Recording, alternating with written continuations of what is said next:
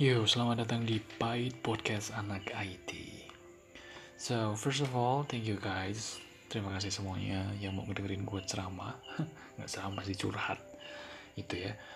Um, gue cuma mau share pengalaman gue jadi programmer. Hal-hal yang mungkin berguna buat teman-teman di luar sana yang sedang belajar programming.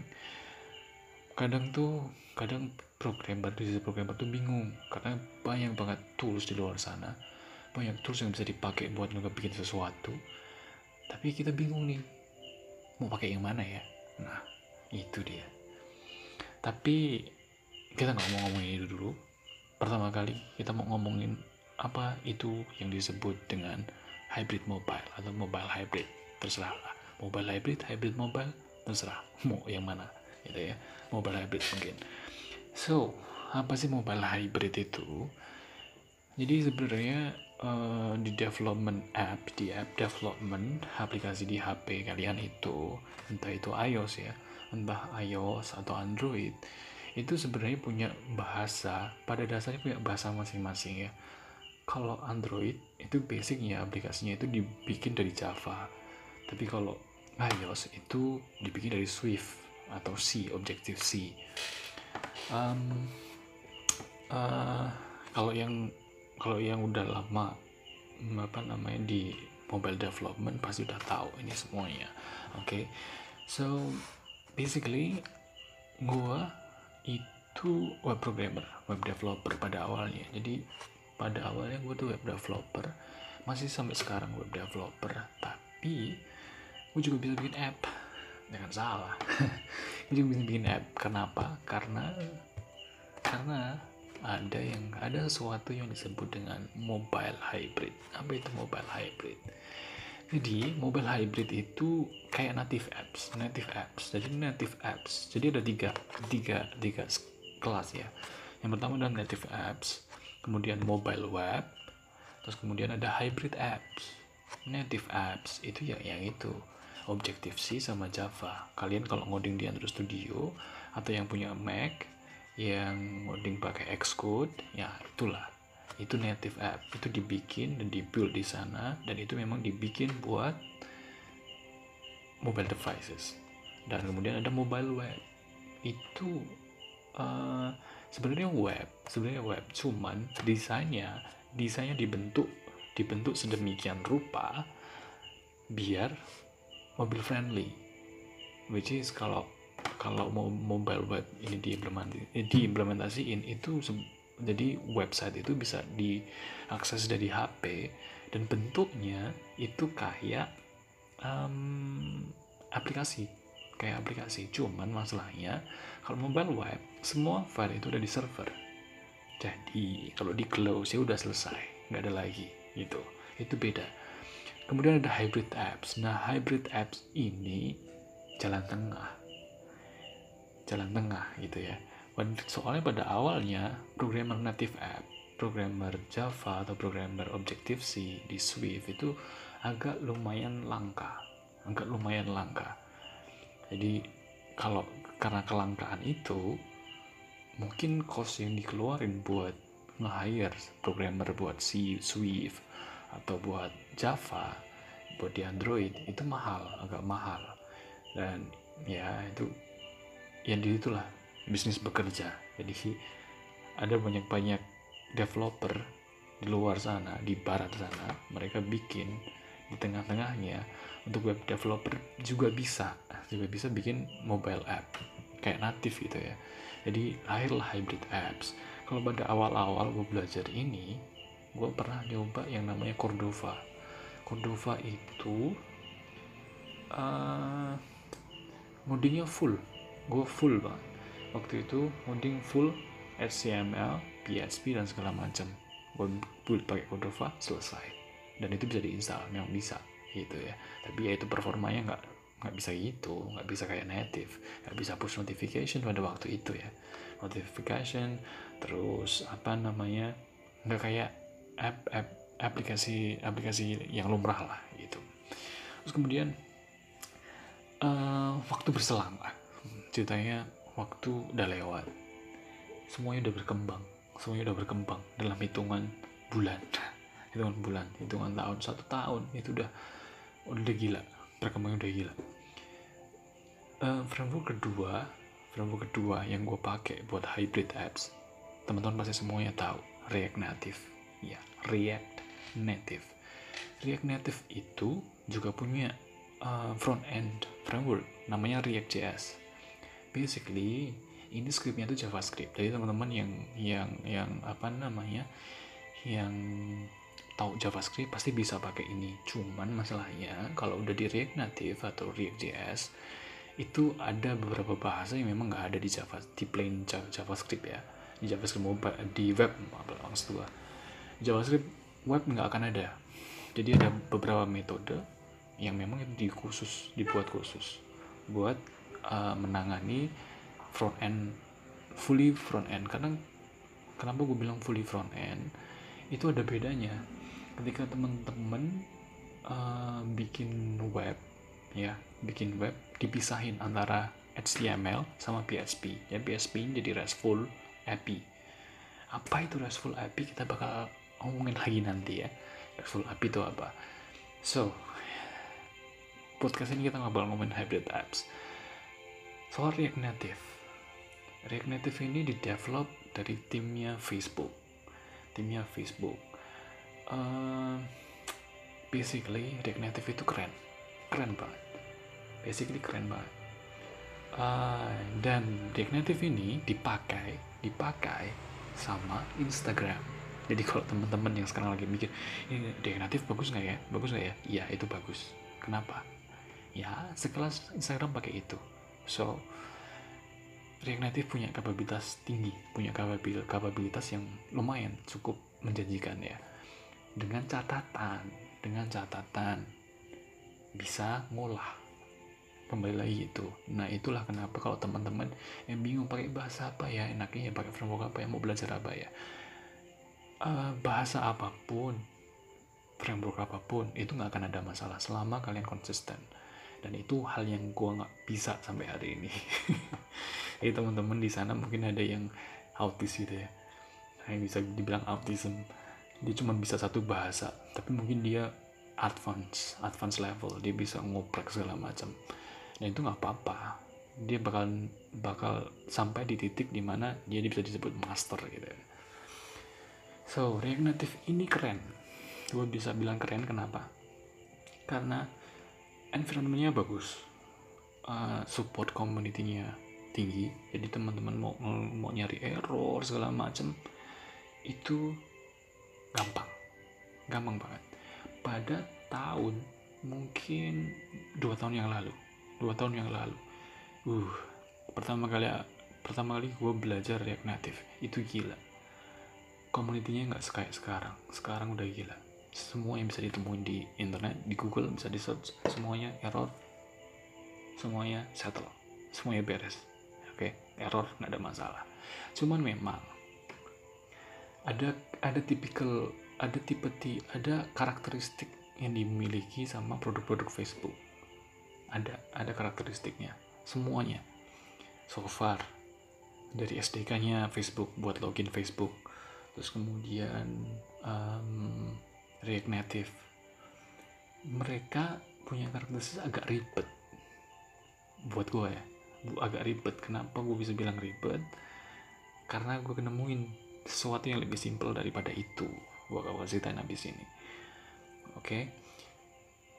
agak ribet menurut gue setting segala macam dan segala macam bla bla bla bla bla bla bla. Itu cukup buat gue muter-muter. Uh man. Harus sabar. Tapi itu keren. React Native itu keren. Dan sampai sekarang uh, ada beberapa.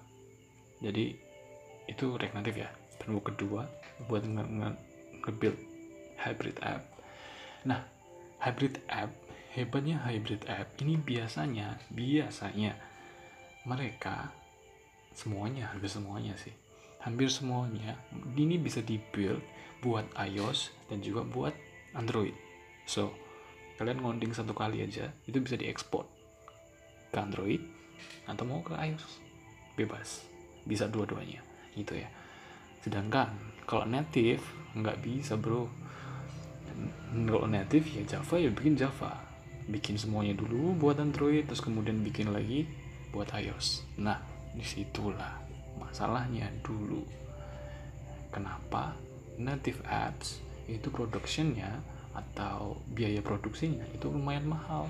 Karena mau bikin dua app di iOS dan di Android itu uh, itu standarnya ya mungkin best practice-nya harus dua orang yang berbeda minimal. Dua dua orang yang berbeda aja udah udah kesel. Udah capek itu ya. Oke. Okay. so ketiga orang ketiga buat hybrid apps yang saat ini gua lagi happening lagi happening happening sih. Baru rilis versi stable-nya jadi ini masih masih ada apa namanya? Masih ada perkembangan masih ada masih ada proses banyak proses buat build community-nya sebagus dan sebanyak Native ya. Namanya Flutter ya Flutter F L U T T E R. Flutter itu framework buat hybrid app. Bahasanya udah beda bro. Ini bahasanya baru bahasa baru. Bahasanya disebut Dart. Ya Dart. D A R T. Dart. Ini bahasa diciptakan dari diciptakan oleh timnya Google Google developer yang jadi ceritanya Google-nya developer dia Google-nya developer developernya Google ngebuat bahasa baru yang disebut Dart terus kemudian buatlah satu lagi framework hybrid app called Flutter. Nah, apa sih kerennya Flutter? Gue bakal ceritain. Flutter, kerennya Flutter. Ini minimal setup. Gue bisa, uh, gue bisa bilang bahwa pertama kali gue nyoba Flutter ini nggak seribet yang pernah gue alamin pas pertama kali megang React Native. Dan semuanya bisa di mm, mungkin otak gue yang udah udah berubah kali ya. Udah kemampuannya udah berubah. Tapi so far gue ngerasain lebih nyaman dan lebih cepet development mobile app lewat Flutter. Tapi memang ada kelemahannya bukan kelemahan sih kekurangan mungkin ya buat teman-teman yang dari React Native.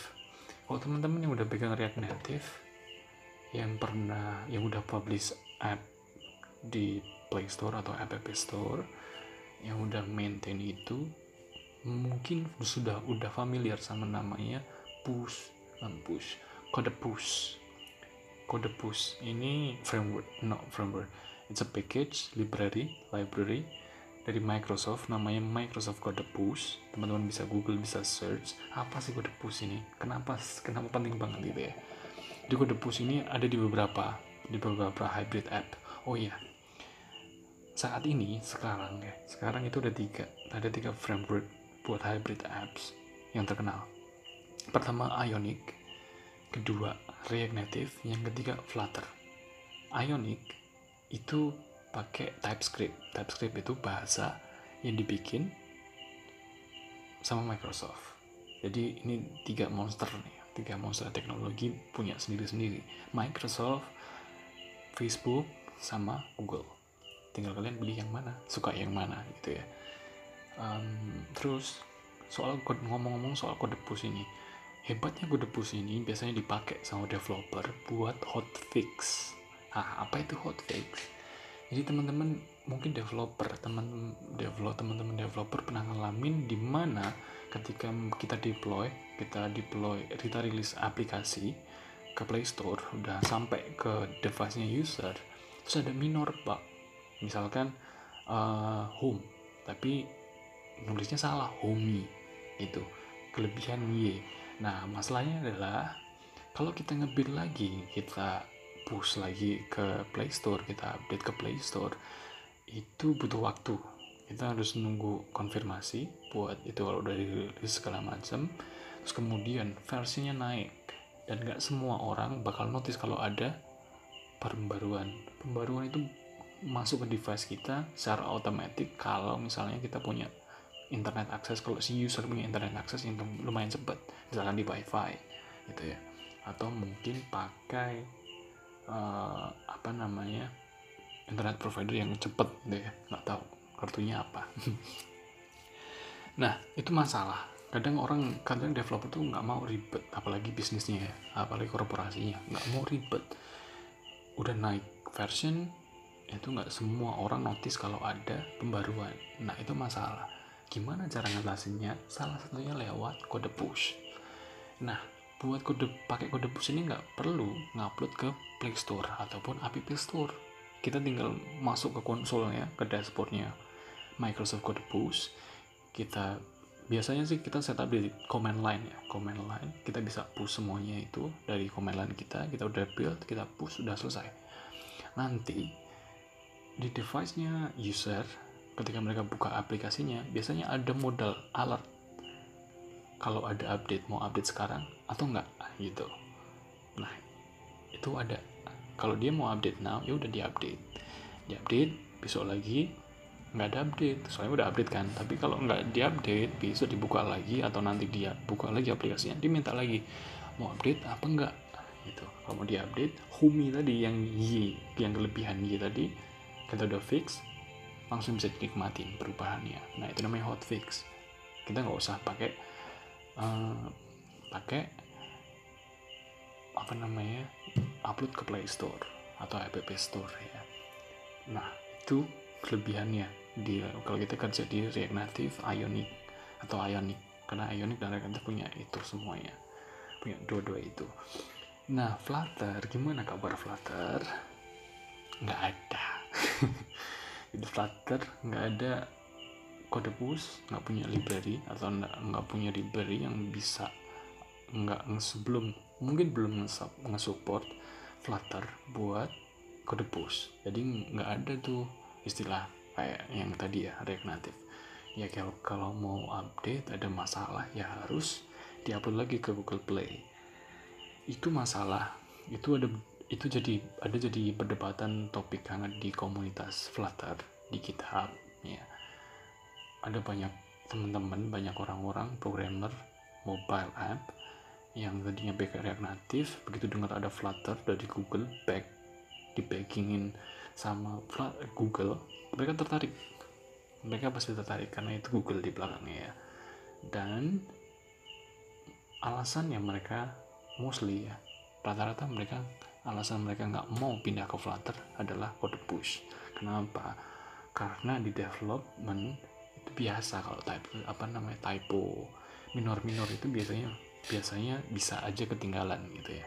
Bisa aja ketinggalan. Apalagi buat apalagi buat tim atau dev tim developer atau korporasi yang baru yang baru gitu ya. Yang belum menerapin CI/CD dan segala macam belum tes automation tesnya belum jalan dan segala macam ya itu bisa jadi masalah gitu ya jadi so itu masalah di Flutter cuman itu itu doang. Tapi but why kenapa gue suka Flutter? Sederhana. Flutter itu sederhana. Bukan sederhana gitu sih. Maksud gue uh, pengalaman gue dulu pakai React Native hal yang paling ngejengkelin dari dari dari semua hal di mobile app development entah di, di web, web development atau mobile app development buat gua itu adalah saat gua harus ngedesain. Ngedesain. Ngedesain ngedesain. Um, itu buat gue ribet. Karena background gue gue backend gue sistem analis jadi gue lebih seneng ngedesain sistem flow chart dan segala macam daripada ketimbang ngedesain tampilan. Karena itu bukan bukan hmm, bukan bukan tipe gue lah. Bukan bukan hal yang gue suka. Nge, nge, apa namanya ngebuat desain. So kalau Flutter karena ini punya Google jadi Google itu juga punya material ya. Material design yaitu standarnya Google itu material design dan Flutter itu sudah standar dengan material design. Jadi semuanya itu widget. Jadi widget itu apa sih? Yang APW bar itu bisa kita bisa bilang widget. Jadi semuanya udah ada itu functionnya kelasnya semuanya udah ada. Kita tinggal panggil dan kita tinggal modifikasi sedikit sedikit sedikit pasang pasang pasang pasang desain selesai. Gitu. Itu lebih menyenangkan buat gua ya. Dan apa namanya? Flutter dan hal yang lebih menyenangkan di Flutter itu adalah sekarang ini Flutter baru lahir. Ya kalau bayi ya baru enam bulan lah enam bulan enam bulan tujuh bulan gitu ya. Masih panjang masih pan masih panjang masa depannya. React Native waktu dua tahun yang lalu mungkin nggak se booming sekarang. Kalau sekarang React Native banyak orang udah belajar udah bisa banyak perusahaan yang nyari React Native dan segala macam. Kalau untuk Flutter ya lumayan lumayan. Masih lumayan. Tapi belum banyak belum banyak korporasi atau apa namanya korporasi atau company atau perusahaan yang yang mau adaptasi Flutter secara ekstrim gitu ya. Dalam arti kata langsung berubah semuanya dari ke Flutter. Sebenarnya bisa React Native ke Flutter itu bisa. Bisa aja semua ada caranya. Itu. Itu hybrid app jadi conclusionnya kesimpulannya hari ini adalah kita belajar tiga kita, kita gue share gue share ke kalian semuanya bahwa hybrid app hybrid app itu ya ya gue mau ngomong kalau hybrid app itu tiga framework yang paling terkenal itu um, Ionic, React Native, dan Flutter. Ada satu lagi namanya Xamarin itu juga oke okay juga oke okay punya. Tapi ya uh, di Indonesia yang banyak kan mungkin React Native sama Flutter sekarang. Kalau aku nyari nyari di job street atau di apa namanya uh, apa sih Indeed dan segala macam biasanya React Native atau Flutter atau apa namanya Ionic. Samarin jarang nemuin tapi ya kalau mau coba ya nggak apa-apa. Dari mobile hybrid itu enaknya mobile hybrid. Kesimpulannya hari ini adalah kalau kita pakai mobile hybrid kita nggak perlu musingin ngoding Android dan ngoding iOS gitu. Kadang orang yang ngeran yang punya bisnis warehouse ini biasanya biasanya mengkapitalisasi di sini. Nyari program React Native atau Flutter dia bikin satu source code uh, Android tapi dia tawar. Dia tawarin ke klien dengan harga yang beda. Atau biasanya pas fase kedua fase fase fase pertama mereka mendevelop Android fase kedua mereka mendevelop iOS.